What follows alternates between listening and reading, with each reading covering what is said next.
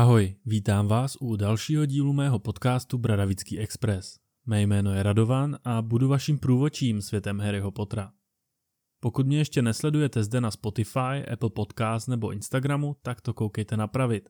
A jestli máte zájem o bonusovou epizodu, která vychází každou středu, nebo mě zkrátka chcete podpořit, tak to můžete udělat předplatným skrze herohero.co lomeno Bradavický Express. Předplatné lze samozřejmě kdykoliv zrušit a také jej můžete někomu darovat. Pokud vás tedy bonusový obsah zajímá, pak doporučuji zkusit třeba na měsíc a následně uvidíte. Myslím si ale, že to za to stojí. Dnes tedy budeme pokračovat další kapitolou druhé knihy Harry Potter a tajemná komnata s názvem V krucáncích a kaňourech, kde nás čeká seznámení s mou nejoblíbenější postavou této knihy. Pojďme tedy na to. Harry rychle pochopil, že život u Weasleyových je diametrálně odlišný od čehokoliv, co denně zažíval u Dursleyových. Dursleyovi museli mít pořád všude čisto, uklizeno a řád. Naproti tomu Weasleyovi byli tak trošku bordeláři. Fred s Georgem byli hluční, stejně jako Ghoul v podkroví, a po celém domě Harry také narážel na hodně cool věci, jako je třeba mluvící zrcadlo, kterého vždy pokáralo, ať si zastrčí košily nebo ať se učeše. Největší rozdíl byl ovšem v tom, že ho rodina Weasleyových skutečně má ráda. Paní Weasleyová krmí Harryho hromady jídla, pan Weasley si s ním rád povídá o mudlovských věcech, jako je třeba fungování pošty nebo užívání telefonů a Ginny, no Ginny je zabouchla až po uši a skoro po každé, co Harry ho uvidí, tak něco upustí na zem. Jednoho rána pak všechny děti Weasleyovi obdrželi dopis z Bradavic obsahující seznam věcí, který budou pro daný rok potřebovat. A dokonce dorazil i dopis pro Harryho. Pan Weasley to okomentoval tím, že Brumbálovi prý nic neunikne.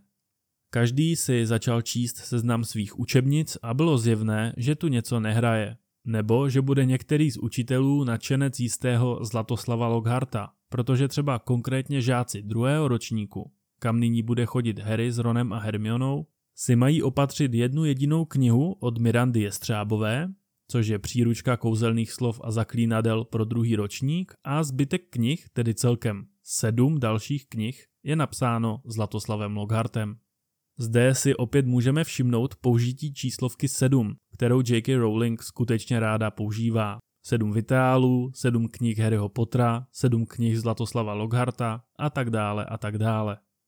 Nebyl to ale jen Harry s Ronem, kdo si všimnul, že si mají obstarat všechny vydané knihy Zlatoslava Lockharta. Také Fred s Georgem si je mají do školy sehnat a já předpokládám, že i Percy. Ten vchází do kuchyně v momentě, kdy se paní Weasleyová zmíní o tom, že jde letos do školy poprvé i Ginny a že jí budou muset sehnat spoustu věcí z druhé ruky. Percy všechny škrobeně pozdravil dobré jítro, na sobě měl už připnutý svůj prefecký odznak. Pak si sednul a následně okamžitě vyskočil.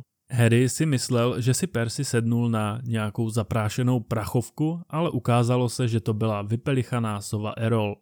Ron ji spod křídla vyndal dopis, který už očekával. Napsal totiž Hermioně, že se vydají s Fredem a Georgem na Harryho záchranou výpravu. Ron tak dopis otevřel a začal číst. Hermiona v dopise píše, že doufá, že neudělali nic nelegálního pro Harryho záchranu a že šlo vše hladce a Harry je v pořádku. Také píše, že má spoustu práce s přípravami do školy. Klasická Hermiona. A také, že jede příští týden ve středu do Příčné ulice nakoupit potřebné věci. Navrhuje tedy, že by se tam mohli všichni sejít a prosí Rona, aby jí odpověděl co nejdříve. Ale také, aby poslal raději jinou sovu, protože Erol, už by další takovou cestu, dle jejich slov, nemusela přežít. Paní Vízliová s nápadem, že příští středu pojedou do příčné ulice, nadšeně souhlasí a když začne sklízet nádobí po snídani, tak se zeptá dětí, co dneska vlastně hodlají dělat. Harry, Ron, Fred i George mají jasný plán a tak si to už za pět minut štrádují k malému palouku na kopci, který také patří Weasleyovým. Ten je celý obehnaný vysokými stromy, takže tam můžou nerušeně a hlavně nepozorovaně hrát fanfrpál a trénovat. Akorát tedy nemůžou hrát s opravdovými míči, protože hrozí, že by se jim nějaký zatoulal. Hrají tedy z jablky, které po sobě házejí. Všichni si střídali Harryho koště Nimbus 2000, které bylo zdaleka nejlepší, protože Ronovo koště, starý meteor, je tak pomalé, že jej někdy předhoní i motýly, kteří letí kolem. Samozřejmě se zeptali i Persiho, jestli nechce jít hrát s nimi, ale ten jen odpověděl, že má nějakou práci a šel se opět zavřít do pokoje. Vycházel vždycky jen na jídlo, což mi trošku připomíná mé dospívání, akorát já jsem tedy bohužel nebyl zavřený v pokoji ze stejného důvodu jako Persy, ale spíše proto, že jsem hrál Vovko, Dotu, Lolko nebo nějakou jinou počítačovou hru. Fred s Georgem pak Harrymu řekli, že Percy nedávno obdržel výsledky svých zkoušek NKU, náležité kouzelnické úrovně, a že jich získal celkem 12, stejně jako předtím jejich starší brácha byl. A prý, pokud na Percyho nedají pozor, tak budou mít takovou v rodině dalšího primuse. Což by dle nich byla neskutečná ostuda. Priority Freda a George jsou občas opravdu k zamýšlení, ale přeci jen ne všichni jsou rození akademici, že ano. Pak je zde v rychlosti opět zmíněn jak Bill, tak Charlie. Charlie pracuje v Rumunsku s draky, jak víme z předchozího dílu, a Bill pracuje v Egyptě, kde dělá pro kouzelnickou banku Gringotových. Následně se diskuze stočí k finanční situaci rodiny Weasleyových a k tomu, že skutečně netuší, kde vezmou pan a paní Weasleyovi peníze na všechny věci pro své děti do školy. Navíc Ginny potřebuje i hůlku, hábit, kotlík a veškeré další věci pro prvňáky. Harry se k tomu nějak nevyjádřil, protože se cítil trošku trapně. Já se mu asi nedivím, protože Harry je v kouzelnickém světě skutečný boháč díky penězům, které zdědil po svých rodičích. Nicméně jsem si jistý, že kdyby tyto peníze nabídl Weasleyovým, tak ho bez rozmýšlení odmítnou. Také je ale Harry aspoň v něčem opravdu chytrý a o tom, že má nějaké peníze, neřekl doma u Darsleyových ani slovo, protože podle něj by Darsleyovi svůj strach z kouzel pro tolik peněz překonali a nějak ho donutili jim zlato předat. Příští středu tak paní Weasleyová všechny probudila, nasnídali se a oblékli si kabáty. Následně vzala paní Weasleyová z krbové římsy květináč s nějakým práškem. Prášek se v originále jmenuje Flu Powder a je pojmenovaný po slově flu, které se akorát píše jinak, ale zní stejně. A jedná se o kouřovod nebo komín u krbu. Český překlad je pak letax, asi od slova letět a zároveň to zní i trošku magicky, kouzelnicky. No ale můj nejoblíbenější překlad je na 100% ten slovenský hopšup prášok. Paní Weasleyová pak řekla Harrymu, že půjde první, ale ten absolutně nechápal, co se po něm chce a co má dělat. Fred s Georgem se tak rozhodli, že mu to předvedou. Fred si nabral z květináče hrst prášku, hodil ho do ohně v krbu, ten smaragdově zezelenal a vyšlehl ještě výš, než jak byl Fred vysoký. Ten pak vkročil do ohně a vykřikl příčná ulice a byl pryč. Harry mu pak jasně řeknou, že musí vyslovit zřetelně, kam se chce dostat a že si musí když tak vybrat správný rošt, protože existuje spousty kouzelnických krbů a mohl by se ocitnout kdekoliv. Když to ale vysloví přesně a zřetelně, tak se dostane přesně tam, kam chce. Dalším typem je mít zavřené oči kvůli sazím a Ron doporučuje i mít lokty u těla, aby se někde nebouchnul. Nemá prý taky panikařit a má vystoupit až v momentě, kdy uvidí Freda a George.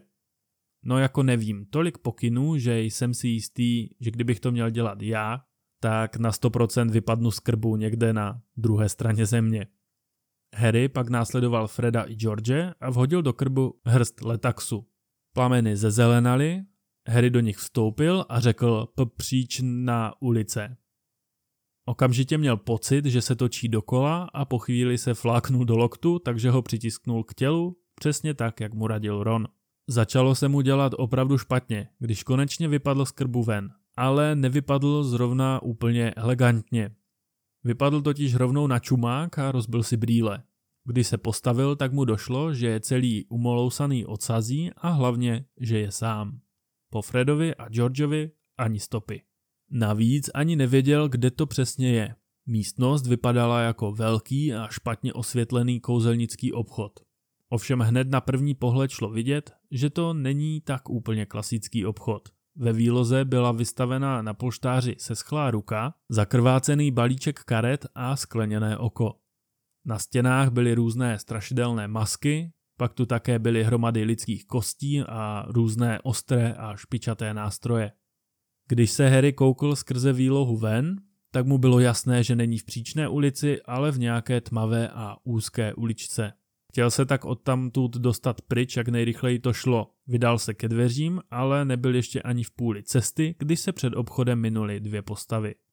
No a co čert nechtěl, šlo o někoho, koho Harry opravdu nechtěl vidět, na tož potkat. Draka Malfoje. Harry se rychle rozhodl schovat do skříně, kterou viděl po své levé ruce a dveře úplně nedovřel, ale nechal je jen pootevřené, aby viděl, co se v obchodě děje. Já vás poprosím, abyste si tuto skříň zapamatovali, protože je dost důležitá pro děj v šesté knize. Tak schválně, jestli si na to potom vzpomenete jak vy, tak já. Drako vstoupil do obchodu a za ním i jeho otec, který byl vlastně starší kopií draka. Ten prošel celým krámem a zacinkal na zvonek, který stál na pultu. Pak řekl Drakovi, ať na nic nesahá. Drako se urazil, protože si myslel, že mu jde otec koupit nějaký dárek.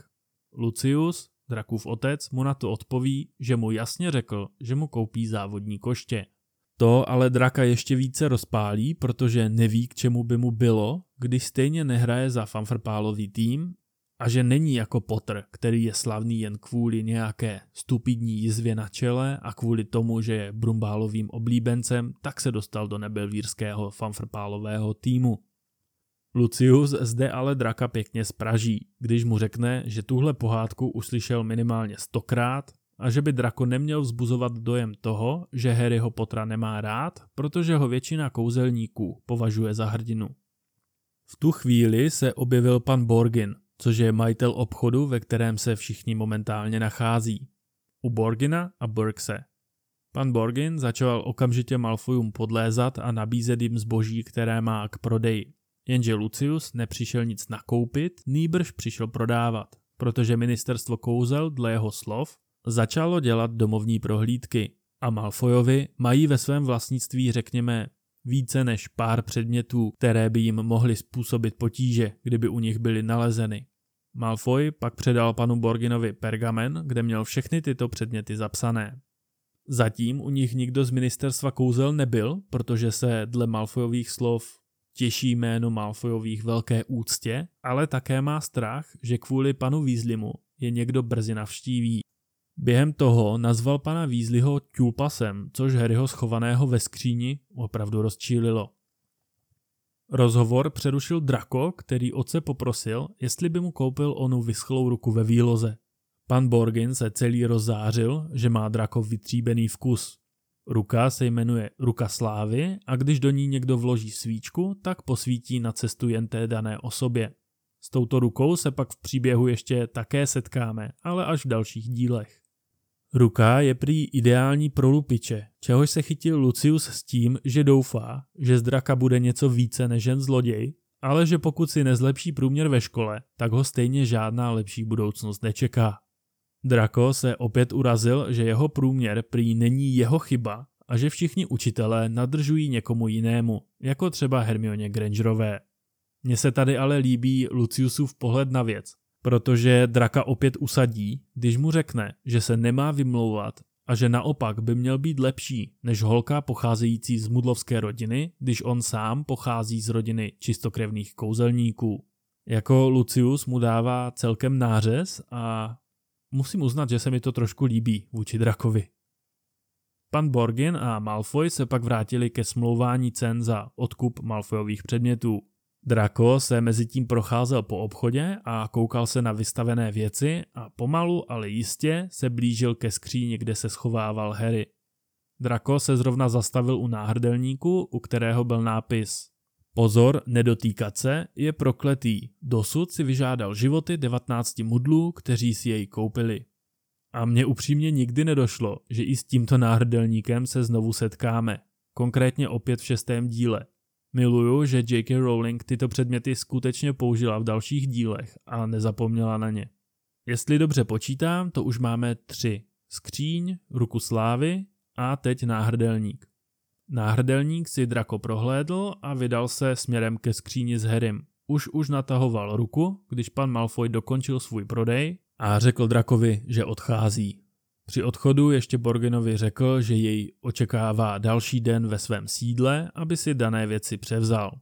Po jejich odchodu se Borgin zamračil, zamumlal si pod nos pár urážek a zmizel v zadní místnosti. Harry ještě minutu nebo dvě počkal a pak z obchodu rychle vyšel ven. Venku se ocitl v temné uličce, kde se nacházely samé obchody s věcmi k praktikování černé magie. Všude stáli pochybní kouzelníci a Harry si všiml názvu ulice napsané na stěně. Obrtlá ulice. O té jsem se zmiňoval v bonusové epizodě na Hero Hero, kde jsem rozebíral příčnou ulici, ale také ulici Obrtlou. V tom Harryho zastavila nějaká seschlá stará čarodějka, z které šel strach a která v rukou držela něco, co nenápadně připomínalo lidské nechty. Chuťovka. Vystrašený Harry ucouvl a v tu chvíli měl neskutečné štěstí, jako je tomu u něj celkem zvykem. Z ničeho nic se objevil Hagrid, který na Harryho zavolal, až se stará čarodějka leknula a nechty se jí vysypaly na zem. Harry tak s úlevou přivítal Hagrida a začal na něj sypat jednu větu za druhou, že se ztratil a že špatně použil letax. Hagrid čapnul Harryho za zátylek a vyvedl ho z obrtlé ulice ven, přímo do příčné ulice. Pak mu vyčinil, že v obrtlé ulici nemá co pohledávat a že je to nebezpečné. Harry se tak znovu brání, že tam byl náhodou a zeptá se Hagrida, co tam vlastně dělal on. Hagrid tam prý zháněl něco proti slimákům, protože ve škole už málem zničili všechno zelí. Hagride, Hagride, podle mě jsou i lepší místa, kde sehnat věci na údržbu zahrady, než je obrtlá ulice. Vydají se pak společně najít Weasleyovi a během toho si povídají. Hagrid je smutný, že mu Harry neodpověděl ani na jeden dopis, který mu poslal, ale Harry mu to vysvětlil, řekl mu, co se stalo s Dursleyovými a s Dobym. Hagrid se pak začal rozčilovat a pěnit, že kdyby to byl věděl, tak by pro Harryho zajel osobně. V tu chvíli spatřili Hermionu, jak stojí na vrcholku schodiště Gringotovy banky. Z druhé strany usehnali všichni Weasleyovi celý strachy bez sebe.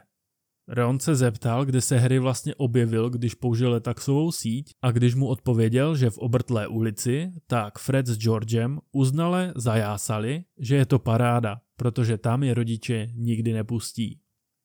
Pak se objevila i paní Weasleyová, celá ustrašená a hned vytáhla kartáč na šaty a začala z Harryho zametat saze. Pan Weasley během toho Harry mu vzal rozbité brýle, poklepal na ně hůlkou a vrátil mu je opravené. Takže oproti filmu trošku změna, kde Harry mu brýle opravila Hermiona. Hagrid se pak se všemi rozloučil, když viděl, že je Harry v dobrých rukách a zamířil pryč. Kdybych měl typovat, tak to Hagrid vezme ještě přes děravý kotel, kde se zastaví na pár pohárů dobrého pitíčka. Harry pak všem řekl, že u Borgina a Burkse viděl Malfoyovi a tohle zaujalo především pana Weasleyho, který začal hned vyzvídat, jestli si tam koupili něco podezřelého. Když mu Harry řekl, že ne a že šel jen něco prodat, tak se pan Weasley potutelně usmál s tím, že má Malfoy určitě starost kvůli domovní prohlídce a že je to moc dobře. V tu chvíli si ale všimnul Hermioniných rodičů, jak nervózně postávají opodál a čekají, až je Hermiona představí. Pan Weasley k ním ale nadšeně přiskočil a začal s nimi řešit mudlovské peníze a jejich směnu na peníze kouzelnické. Ron a Harry se rozdělili s Hermionou, protože Weasleyovi a Harry si potřebovali vyzvednout své peníze z banky. Když přijeli k trezoru od Weasleyových, tak se Harry cítil strašně, protože po otevření trezoru uvnitř uviděl jen pár stříbrných srpců a jeden jediný zlatý galeon. Pro upřesnění, jeden galeon je nějakých 5 liber, takže k dnešnímu datu cca 145 korun. A já opravdu netuším, jak za to chtějí Weasleyovi koupit vše potřebné. O to hůře se pak Harry cítil, když dorazili k jeho trezoru, plného zlata, a snažil se tak nepozorovaně naplnit svůj váček plnými hrstmi mincí. Když dorazili opět před banku, kde na ně čekala Hermiona s rodiči, tak se všichni opět rozdělili. Percy si šel koupit nový brk, Fred a George se vydali za svým kamarádem Lee Jordanem, paní Weasleyová a Ginny šli koupit hábit z druhé ruky a pan Weasley odvedl Hermioniny rodiče na sklenku k děravému kotli. Všichni si dali sraz přesně za hodinu a to konkrétně v obchodě krucánky a kaňoury, aby si mohli pořídit nové učebnice. Samozřejmě i o tomto obchodu se zmiňuji v bonusu na Hero Hero. Harry, Ron a Hermiona se tak vydali proskoumat příčnou ulici. Harry i hned nakoupil tři velké jahodové a arašidové zmrzliny a prohlíželi si plné výlohy obchodů. Kluci se samozřejmě zastavili u prvotřídních fanfrpálových potřeb, než Hermiona otáhla do sousedního obchodu, kde koupili inkoust a pergamen. V obchodě Šprýmy a Kratochvíle se setkali s Fredem, Georgem a Lee Jordanem, kteří si kupovali báječné rachejtle doktora Raubíře. A v malém vetešnictví pak potkali Persiho, který si četl staré vydání knihy Prefekti, kteří získali moc. Když se mu Ron začal smát, tak je Percy ale z obchodu vyhnal. Uběhla hodina a naše trio se tak vydalo do krucánku a kaňourů na domluvený sraz. Před obchodem ovšem narazili na obrovský zástup lidí. Důvodem tak velkého počtu lidí bylo obrovské oznámení vyvěšené na obchodu, které hlásalo, že zde má dnes autogramiádu svého životopisu mé kouzelné já, Zlatoslav Lockhart. Zástup tvořili převážně čarodějky ve věku paní Vízliové a já tohle prostě miluju. Zlatoslav se nám postará o mnoho zábavy během celé knížky a nemůžu se dočkat, až na něj budu dělat bonusovou epizodu. Harry, Ron a Hermiona se prodrali dovnitř, kde už stáli ostatní Weasleyovi společně s rodiči od Hermiony. Postupně se tak fronta krátila, až uviděli Zlatoslava ve své plné kráse. Na sobě měl poměnkově modrý hábit a kouzelnickou čapku, kterou měl lehce na stranu. Prostě styl. Všude kolem sebe měl své vlastní podobizny, které se culily a usmívali na návštěvníky obchodu. Tohle všechno fotil kouzelník malého vzrůstu a hlásal, že ty fotky půjdou přímo do novin denního věžce. Zlatoslav zvedl hlavu od svého podepisování a spatřil Harryho. Na celou prodejnu tak zakřičel. Vždyť to je Harry Potter! Zástup čekající ve frontě začal vzrušeně šuškat. Lockhart se k Harrymu vrhnul a přitáhl ho k sobě. Pak mu přímo před fotografem nadšeně potřásal rukou a u toho Harry mu radil, ať se usmívá, protože si oba zaslouží být na titulní stránce. Tohle je první z mnoha rad, kterou Harry od Lockharta dostane a já už se opravdu nemůžu dočkat, až se do děje knihy ponoříme více a s Lockhartem se budeme potkávat častěji.